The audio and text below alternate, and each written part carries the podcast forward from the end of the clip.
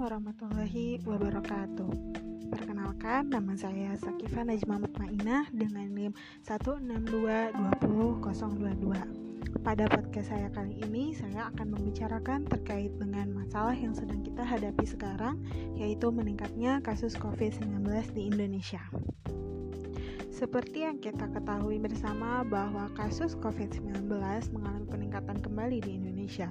Tercatat kenaikan paling tinggi terjadi pada tanggal 15 Juli 2021 sebanyak 56.757 dalam satu hari.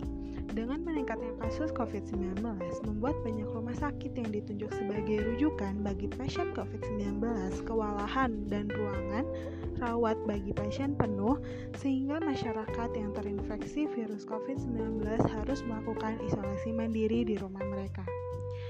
Banyaknya pasien COVID-19 ini menimbulkan permasalahan baru di masyarakat. Minimnya pengetahuan terkait penanganan bagi pasien COVID-19 karena tidak dapat mengakses medis dikarenakan penuhnya rumah sakit bagi rujukan COVID-19. Banyak dari mereka hanya mengandalkan informasi dari internet tanpa mengecek kembali kebenaran berita tersebut, dan akhirnya mereka hanya termakan hoaks yang beredar. Contohnya, ada berita terkait obat Ivermectin sebagai terapi bagi pasien COVID-19 yang menyebabkan banyak masyarakat akhirnya berbondong-bondong membeli obat tersebut karena mereka menganggap uh, obat tersebut sebagai obat COVID-19.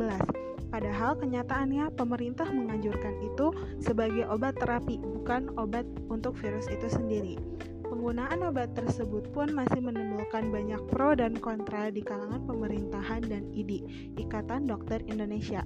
Tetapi masyarakat dengan mudahnya menelan informasi tersebut dan langsung membeli Ivermectin. Sebagai seorang mahasiswa farmasi di Institut Teknologi Bandung, kita bisa memberikan edukasi kepada pasien-pasien COVID-19 yang melakukan isolasi di rumah mereka. Dengan kemajuan teknologi seperti sekarang, kita bisa menjangkau masyarakat tanpa harus berinteraksi secara langsung. Banyaknya platform online seperti Facebook, Instagram, Twitter, dan blog akan memudahkan kita untuk menyebarkan informasi yang kita miliki untuk mengedukasi masyarakat.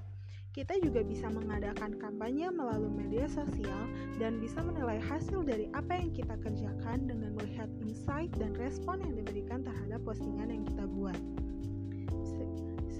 Podcast saya kali ini. Terima kasih atas perhatiannya. Wassalamualaikum warahmatullahi wabarakatuh.